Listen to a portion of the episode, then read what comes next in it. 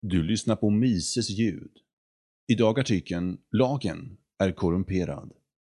Författare Fredrik Bastiat. Publicerades på mises.se 20 juni 2011. Lagen är korrumperad. Så här inledde Fredrik Bastiat sin essä Lagen. En liten varning så här inledningsvis. Ni positivrättare som inte anser att människan har rättigheter utanför det som staten garanterar oss, kanske inte kommer hålla med.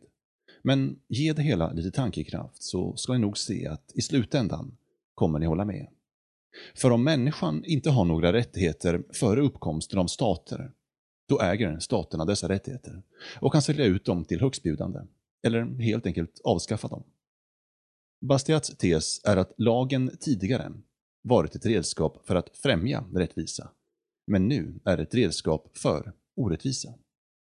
Den är inte bara vänd från sitt sanna mål, utan satt att söka ett helt motsatt.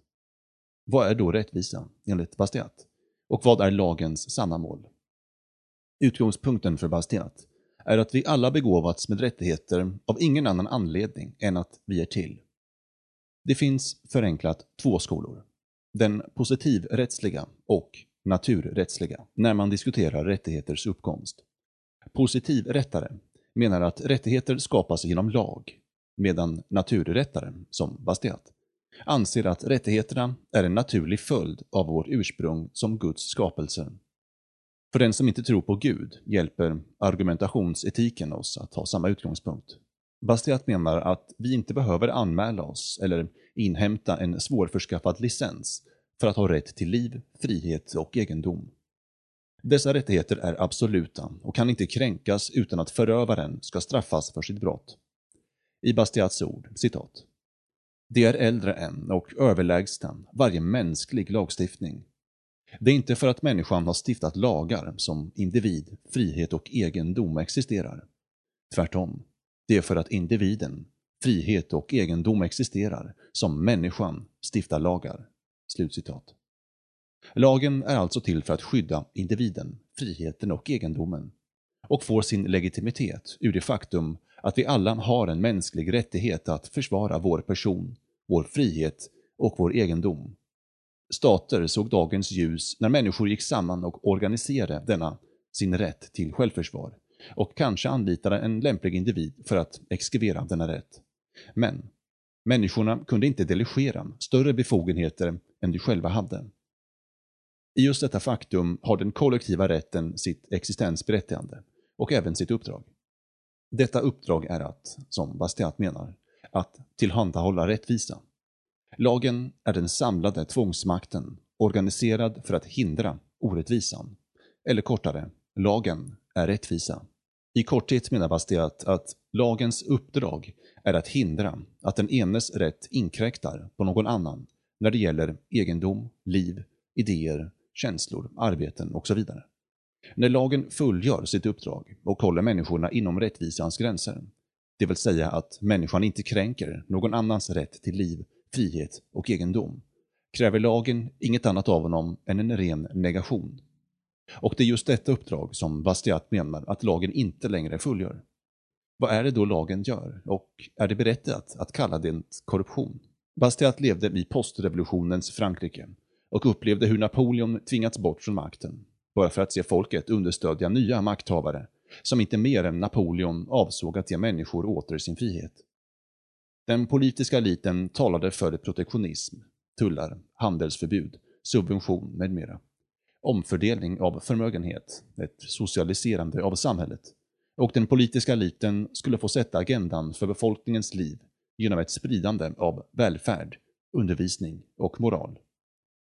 Det var, som man lätt kan se, inte så stor skillnad mot dagens Sverige.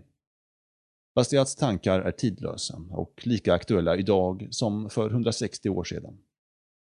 Lagen är inte längre en sköld, den är ett svärd. Och detta svingas av makteliten för att slå ner på det mest korrumperande sätt.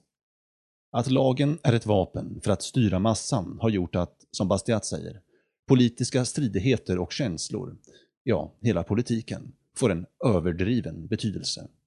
Och ja, det är ju sant. Skulle lagen bara vara till för att skydda våra rättigheter, då skulle få vara intresserade av den. När den nu kan användas till det mest fantasifulla ändamål och då ge en stor grupp människor sitt uppehälle, då är den värd att stridas för. Några konkreta exempel på lagen vänd från sitt sanna mål. Istället för att bara hindra andra från att kränka vår äganderätt begränsar lagen kraftigt vad vi kan göra med vår egendom. Plan och bygglagar, penningtvättslagar etc. Istället för att skydda vår egendom beskattas vi till 70-80% all inclusive. Bensinskatt, inkomstskatt, moms, värnskatt, fastighetsskatt och så vidare.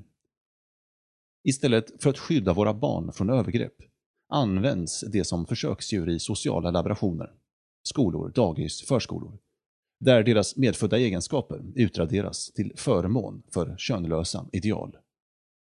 Istället för att värna vår rätt att kommunicera övervakas och lagras vår kommunikation. Istället för att rätten att utbyta idéer och bygga vidare på andras framsteg hindras teknisk utveckling med patent och andra skydd för intellektuellt och kreativt arbete. Obs! Här har inte beaktats de ekonomiska argumenten som finns för denna lagstiftning, utan endast resonerats kring lagens sanna mål. Det franska folket hade på Bastiats tid ungefär samma problem som dagens spanska ungdomar har. Båda grupperna ser de hemska effekterna av att lagen korrumperats. Men istället för att avskaffa korruptionen så vill de själva använda den för att ge sig rättigheter de anser sig vara nekade. Lagen är makthavarnas allra främsta redskap i styrandet av människor. Och just detta faktum kallas av Bastiat för korruption. Han tror att människan har i sig vad hon behöver för att styra sig själv.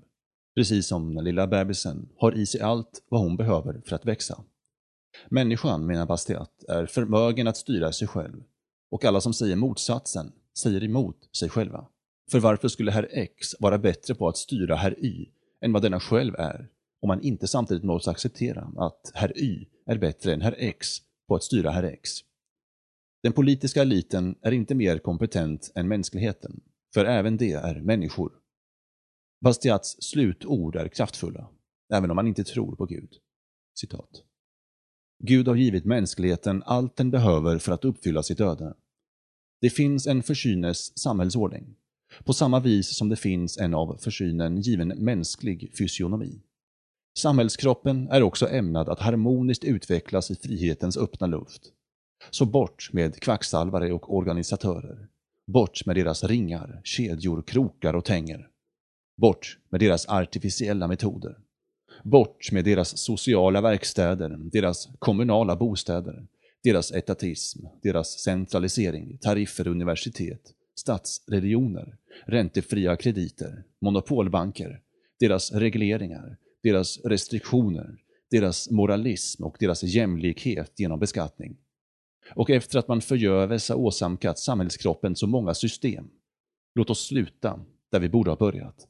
Låt oss avvisa alla artificiella system och äntligen pröva friheten. Friheten som är att handla i förtröstan på Gud och hans verk.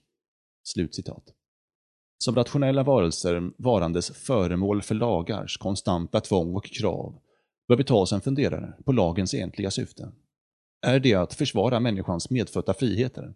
Eller att styra henne enligt elitens önskemål och vision av det goda samhället och den goda människan?